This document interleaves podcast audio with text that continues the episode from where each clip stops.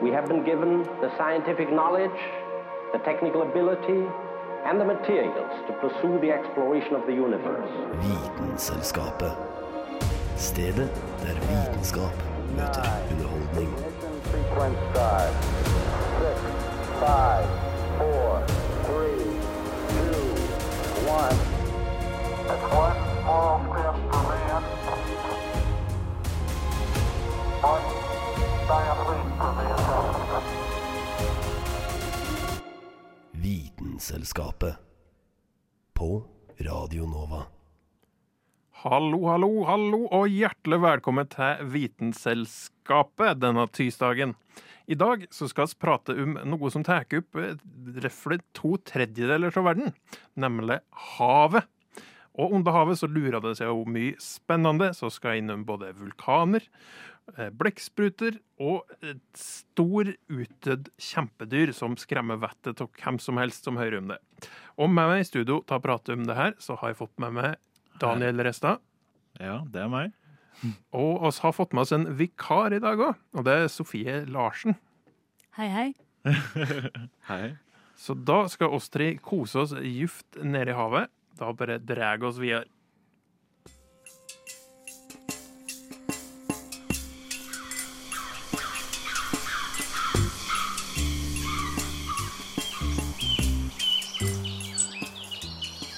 Du hører på Vitenselskapet på Radio Nova.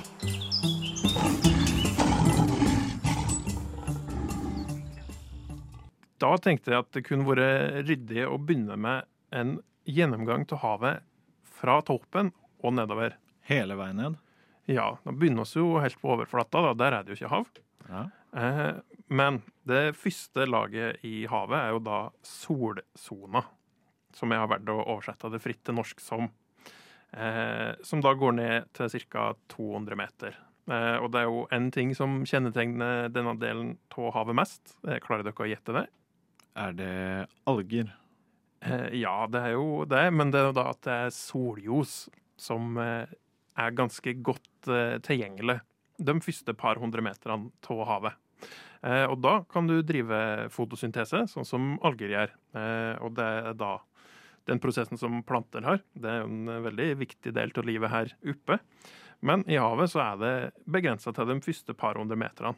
Eh, og det er jo veldig viktig for eh, eh, alt livet i havet eh, at de har noe ja, havplanter, alger, eh, noe å ete på.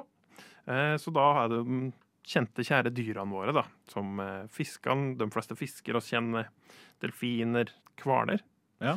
Eh, og eh, ja, det er jo ganske god temperatur i denne delen av havet. Det er ikke, det er ikke den verste, verste delen av havet det her. Sjøl om det jo spørs litt hvor du er hen, da. Det er forskjell på de første 200 meterne i Nordishavet og rundt ekvator. ja, nei, jeg hadde jo ikke akkurat bada i den førstnevnte. Det hadde jeg ikke.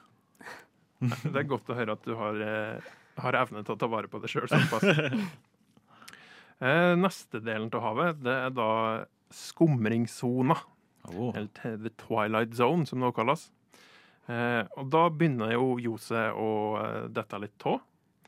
Eh, og ja, når det ikke er så mye sol som når fram, så blir det jo òg kaldt. Det strekker seg helt ned til 1000 meter, den sona her. Fram til vi kommer til midnattssona. Der på 4000 Det går ned til 4000 meter, og der er det nesten helt mørkt. Det er, ikke det er ikke mye sollys som kommer ned her, altså. Nei, det har måttet gjennom så mye vann at eh, det blir så godt som helt mørkt. Men allikevel så er det liv som får til å holde til her. Allikevel så er det noe liv der, altså. Eh, da begynner du å se veldig mye bioluminescens. Oh. Se det livet. Eh, det er et veldig komplisert ord som betyr sjøljosende. Eh, og i livet, da. Eh, så du ser jo fisker og maneter og alskens sjøljosende fisker, som da eh, Alskens sjøljosende liv, da. Som eh, klarer seg ned der der det er ganske så mørkt, og fire grader i vannet. Eh, og i tillegg til at det er kaldt og mørkt, så er det i tillegg et fryktelig til trykk. Det er snakk om 100 ganger så mye som i atmosfæra. Og det er jo da pressende, for å si det sånn. Ja, det er vel typ cirka nok trykk det til å gjøre, gjøre menneskekroppen om til du vet, en sånn fin pressa boks eh, med aluminium. Du vil gjerne panter, og så klemmer og moser og Helt blir paddeflat. Ja, du svømmer ikke så djupt uh, uten å ha noe uh, redskap i bakhånd. uh, men uh, artig nok så spermhvaler fisker så langt ned som eh, til midnattssona. Så eh, meg, nesten ned til 1000 meter. Det er imponerende dyr, altså. Men det tar ikke slutt der. Vi kan få enda lenger ned i havet. Eh, og den neste sona er jo ganske kult navn. Den heter abyssesona. Oh, det er det tøffeste navnet. Ja. Og abyssa, eh, det er jo da fra det gresk deriverte ordet abysse, som betyr båttlaust, uten eh, bunn. Eh, Og ja, der vi sitter i dag, så skjønner vi jo at det kanskje ikke er så veldig lurt å si, fordi det er jo en havbunn. Men de trodde jo da at eh, det bare fortsatte og fortsatte. Eh, Men det strekker seg da helt ned til havbunnen. Og det er jo digert område som vi knappast har sett. Det er fryktelig mye rare fisker. Eh, Sånn anglerfish med lampe til lokket lokke, det er sikkert mange som har sett. Men fiskene der, de, de vil du ikke se, altså. Men du slipper jo det, da. Og så er det jo den sona som er enda lenger ned, er da gropene. Eh, altså havgropene. Som vi kommer til å få høre litt mer om senere i sendinga.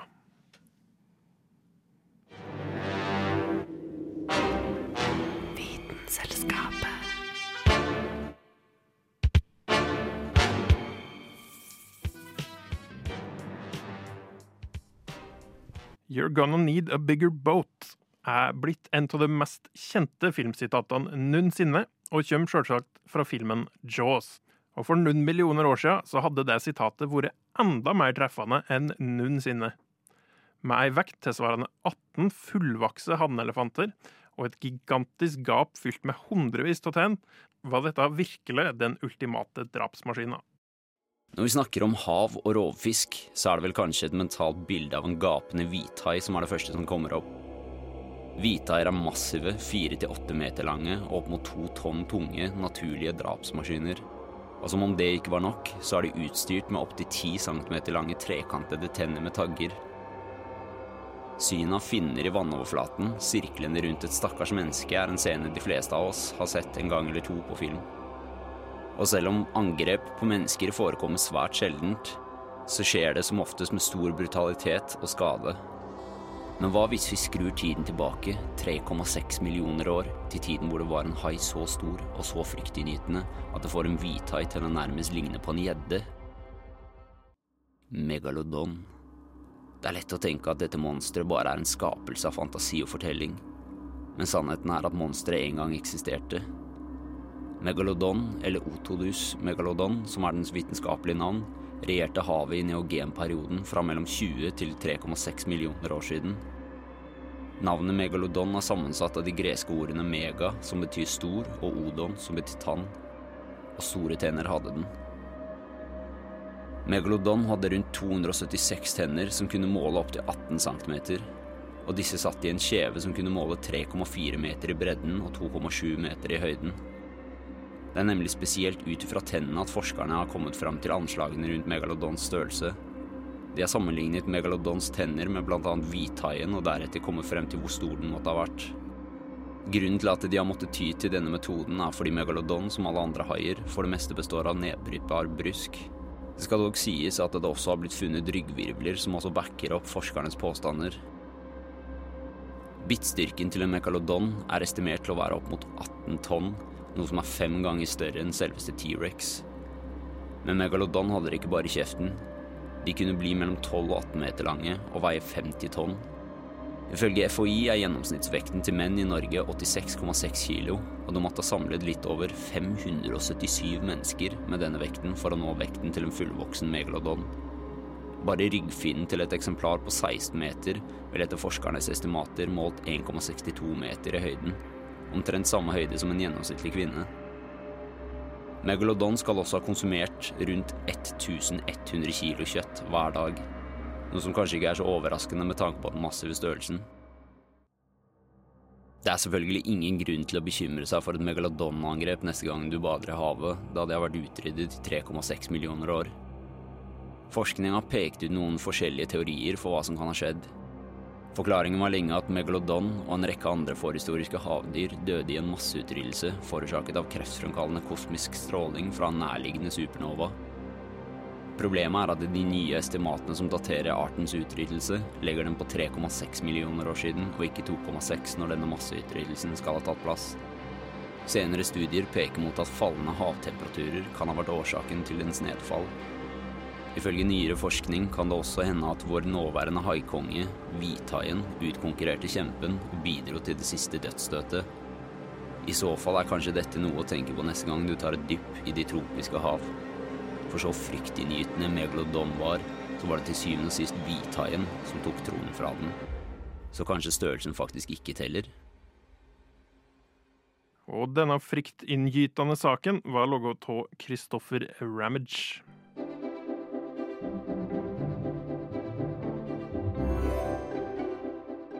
Ja, du hører helt riktig. Du hører på Vitenselskapet på Radio Nova.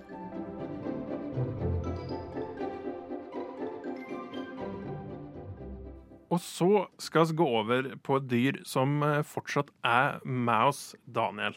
Den er er fortsatt med oss og har vært med oss for i ca. sånn 500 millioner år, sånn give or take, pluss minus. Og det er ingen ringere enn blekkspruten. Og den er jeg her for å prate entusiastisk om. For det er en av mine favorittdyr. Jeg syns det er en av de kuleste dyrene på planeten, ved siden av kanskje gorillaen. Og blekksprut, det har vel dere begge et forhold til. Eh, Sofie, hva, hva tenker du når du hører blekksprut? Blekkspruten er jo kjent for å være veldig smart. Ja. Problemløsende dyr. Den Ja. er veldig kul. Ikke så veldig ulikt oss selv. Hva med deg, Carl? Ja, det er jo det at de er intelligente, men også det at de er utrolig plastiske. Du, hvis du har en liten sprekk eh, som er stor nok til nebbet, så kan blekkspruten komme seg gjennom, samme hvor stor den er. Ja, det er akkurat det. Altså, de har jo en helt insane, altså utrolig biologi med seg. Eh, for eh, jeg sa jo det at de har eksistert i typ ca. 500 millioner år. Men eh, helt inntil ca. 140 millioner år siden så pleide de å ha skall. De har fortsatt myke kropper, men de hadde et skall som dekket rundt hele dem. Men etter at de da droppa det her skallet til fordel for heller det å kunne være smidige og presse seg gjennom de minste små sprekker, så eh, har de nå fått så mange andre evner og altså, ting de kan gjøre. Eh, og rett og slett da, selv om jeg gjerne vil snakke langt om lenge om på en måte de mer vitenskapelige delene av en blekksprut, så er jeg egentlig bare her for å kunne sette pris på de her spennende dyrene. Fordi eh, det de kan gjøre, da, er jo nettopp det å presse gjennom små ganger. De kan endre eh, egentlig hele utseendet sitt til å etterligne både omgivelsene og altså mimikere at de er andre dyr. Late som de er farligere enn de egentlig er, for å lure andre. Eh, og utover dette her, da eh, så Sånn som navnet tilsier. Den heter blekksprut. Den spruter blekk. Den har en blekksekk i kroppen sin som den kan tømme for å lage en sånn forvirrende sky, altså desorientere rovdyr som er etter den. Eh, så ikke bare det, men vi har jo også masse folkelegender som kraken og stilige eh, måter å vise den fram på. Hvis du husker eh, eh, opptil flere scener fra Pirates of Caribbean. Og blekkspruter som river ned skip og drar dem under vann. Og det er noe sjømenn har frykta i lang tid. Med god grunn. Fordi at eh, blekksprutene kan problemløse, sånn som du sa, Sofie. De har eh, vist en evne til å alt fra å bruke kokosnøtter som eh, redskaper for å komme seg under sånne store, åpne sletter under havet, til at de kan åpne syltetøyglass. Og så viser de også en atferd til at de syns det er gøy å leke. har du kunnet se for deg å leke med en blekksprut selv? Kunne kanskje kasta ballen med en blekksprut. Ja, vet du hva?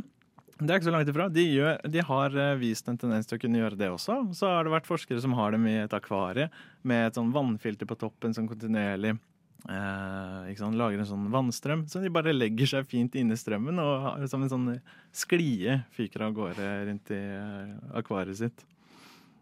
Eh, Så har jeg også kjennskapen til en eh, dokumentar jeg vil egentlig anbefale alle å se. og Den heter 'Hva jeg lærte av en blekksprut' ute på Netflix. Som jeg egentlig skulle ønske handla om eh, meg og hva jeg kunne ha gjort selv hvis det hadde vært flere av dem i Norge. Um, men det er altså så ufattelig mye å kunne si om de her dyrene. Det finnes så mange forskjellige typer av dem. 800 arter, faktisk. Eh, Du finner dem i eh, sjøen her i Norge. Jeg har selv fisket opp en, og var så entusiastisk eh, med å ta den med på skolen som, som det, Hvor gammel er man? Ni år, i andre klasse. Ta den med, vise den fram. Det lukta skit, det gjorde det. har du lukta en blekksprut, Karl? Eh, ikke en forderva blekksprut. Jeg har jo prøvd sånn blekksprutringer, men eh, ikke, jeg ser ikke for meg at det er helt det samme. Nei, det, det smaker og lukter betydelig bedre enn hvis du skal holde en som ikke har blitt behandla på noen måte. Da er det sur, råtten lukt, og det, det er så slimete at det bare øh. Men uh, uansett, jeg er uh, veldig glad i blekkspruter. Jeg syns de er kule, og jeg anbefaler den dokumentaren du hørte i stad.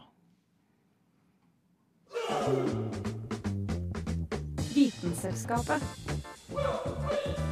Vitenselskapet på Radio Nova.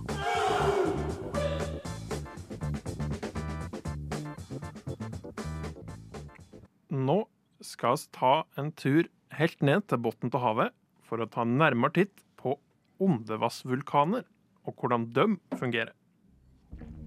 På samme måte som vi har vulkaner over land, finnes det også vulkaner langt ned i havets dyp. Opptil flere tusen meter under havets overflate finner vi magma som bryter ut av havbunnen i høy fart. Det er betydelig mer vulkaner under vann enn over. Forskere mener at opptil 80% av alle vulkanutbrudd som skjer i dag, skjer langt under vann. Vi har et område rundt Stillehavet som inneholder 75% av alle jordens aktive vulkaner i dag. Denne regionen kalles The Ring of Fire. Og Det kan høres ut som noe en sirkusartist skal hoppet elegant igjennom, men det ligner altså mer på en 40 000 km lang hestesko. Den strekker seg fra vestkysten av Sør-Amerika, opp langs eh, vestkysten av Nord-Amerika, over Beringstredet og ned gjennom Japan og inn i New Zealand. Langsmed denne ringen finnes det så mange som 452 aktive vulkaner, men forskere tror at det kan være så mange som én million undervannsvulkaner langsmed Stillehavsbunnen. Det er selvfølgelig litt annerledes enn de som er på land. I ethvert vulkanutbrudd, enten det er på land eller på vann, så er det jo magma som kommer fra dypet i jorden og bryter opp gjennom jordoverflaten. Denne magmaen inneholder gasser som former bobler når trykket minsker. Og et sånt eksplosivt utbrudd, det skjer når disse boblene plutselig blir sluppet løs, og magma og aske blir slengt ut i rommet. Tenk deg boblene i en colaflaske som spruter ut når en ristet flaske blir åpnet, og trykket blir borte på en gang. Det er det samme som skjer ved en vulkan. Men når det er dypt under vann, så vil ikke den samme eksplosjonen skje. Vi må ikke glemme at langt under vann så er det fortsatt masse trykk. Vekten av vannet holder igjen magmaen og vil hindre at det blir en eksplosjon av like stort omfang som det blir over vann. I tillegg så er temperaturforskjellene fra vannet og magmaen Det vil gjøre at magmaen forsteiler seg nesten øyeblikkelig når den kommer ut fra jordoverflaten. Vi får mange nye øyer ved hjelp av vulkanaktivitet. Det skjer over mange, mange millioner av år. Magmaen steines, og så legger seg lag på lag på lag oppå hverandre, og en ny øy vil formes. Hvis du har f.eks. vært på øyer som Gran Canaria, Hawaii eller Island, så har det vært noen øy skapt av vulkanaktivitet. Men ikke bare kan dette gi liv til ting på overflaten, men vi har også noen dyr som bruker disse undervannsvulkanene for alt de er verdt. Undervannsvulkaner gir tre ting til det dype havet som egentlig ikke ville vært der. Varmt vann, mineraler og bakterier lever i disse varme hotspotene lagd av vulkanene. Det blir dannet små samfunn av dyr eller økosystemene rundt disse tre ressursene. Når det skjer et utbrudd, vil bakterier og mineraler bli slengt ut i området rundt vulkanen. Alt fra krabber til fisk til reker klarer å håndtere det her ekstremt varme vannet, som er nesten 350 grader eh, celsius, og vil da fråtse på disse to ressursene.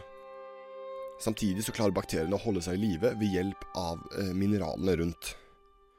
En undervannsvulkan er altså mer enn bare kul å se på. Det kan gi oss nytt land, men kan også gi oss næring helt nede på havbunnen. Sånne vulkanutbrudd skjer heldigvis sjelden i nærheten av der oss mennesker oppholder oss. Men hvis dere skulle være i nærheten av en, hell tæen ut av vannet. Saken var laget av Jonathan Malmberg. Du hører på Vitenselskapet. Tirsdager klokken ti til halv 11 på Radio Nova.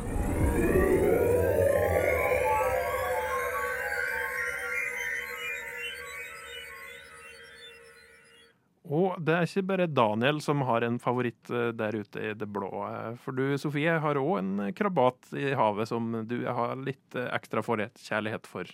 Eh, ja, fordi da jeg var yngre, så var nemlig et av mine favorittfilmer Free Willy. Har dere sett den? Nei, dessverre.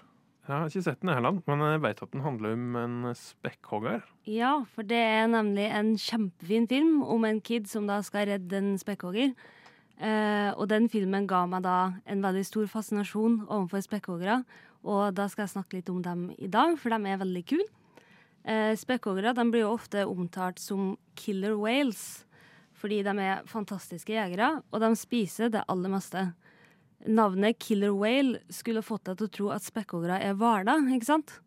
Skulle tro det, når det er i navnet. Men hvaler, nei, spekkhoggere er faktisk eh, delfiner. Hæ? De er ikke bare delfiner, men de er den største delfinarten som eksisterer i dag. Så navnet killer whale det kommer trolig fra sjømann som så spekkhoggere drepe hvaler, og så kalte de dem whale killers. Og etter det så har det rett og slett bare blitt til killer whale. Så de er kanskje litt sånn misrepresenterte, da. Ja, det er ganske mye med dem som er misforstått. Eh, de blir jo også omtalt som sjøens ulver, nettopp fordi de jakter veldig likt som ulvene. Spekkhoggere jakter og lever i flokk, og det er nettopp det som gjør at de, i likhet med ulven, kan drepe dyr som er mye større enn dem selv. De er også såkalte apex predators, som betyr at de er på toppen av næringskilden, og de har ingen naturlige fiender. Ikke engang menneskene eh, tør å bryte seg på spekkhoggeren. Eh, De lever jo i flokk, og mannlige spekkhoggere blir hos mødrene sine basically helt til mødrene deres dør. Familiene de holder sammen med mor i spissen. Spekkhoggerne får ett barn av gangen, og de er gravid i 15-18 måneder. Og venter da ca. fem år før de får et nytt barn. Åh, Det hadde jeg også gjort hvis jeg måtte ha båret på noe så lenge. Etter mennesker så er spekkhoggere de mest utbredte pattedyrene i verden. Eh, og de lever jo også i hele verden. Du finner spekkhoggere i alle sjøene i, og havene i hele verden. Til og med Norge? Til og med Norge. De er uh, i nord i kulda, de er ved ekvator i varmen. De kan leve overalt, og de jakter også overalt. Um, så en av de tingene som viser at de har så høy intelligens som vi ser, er språket deres. Spekkhoggere bruker jo som alle andre delfiner ekkolokasjon. Det betyr at de lager sånn klikkende lyder, og så lytter de hvor lang tid den klikkelyden bruker på å komme tilbake etter å ha truffet noe. Og sånn kan de finne avstand til ting. Litt sånn som clickers i The Last of Us, hvis noen har sett den. Blant annet Um, oss nylig. Men de klikkerne, de klikkene de bruker de også til å kommunisere seg imellom. Så forskere har til og med funnet ut at ulike flokker har forskjellige språk, til den grad som da vil tilsvare en engelskmann og en russer som skal prøve å snakke sammen. De har til og med ulike dialekter i de forskjellige familiene innad i flokkene. Så du kunne i teorien hatt uh, trønderspekkhoggere, altså. Du kunne det. Men det som er viktigst å vite om de fantastiske misforståtte spekkhoggerne, det er at de er faktisk helt harmløse for mennesker. Det vil si så lenge de lever i det fri. Ja. Fordi mennesker har jo blitt drept av spekkhoggere, men det har da vært spekkhoggere som er i fangenskap. ja, stilig. Dette var mye jeg ikke visste.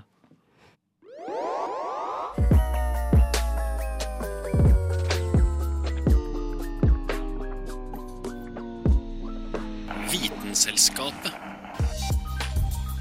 Det var dessverre alt oss rakk i dag. Tusen takk til det som hørte på, og tusen takk til Daniel Resta. Ha det bra. Og Sofie Larsen. Ha det bra. Tjallabais!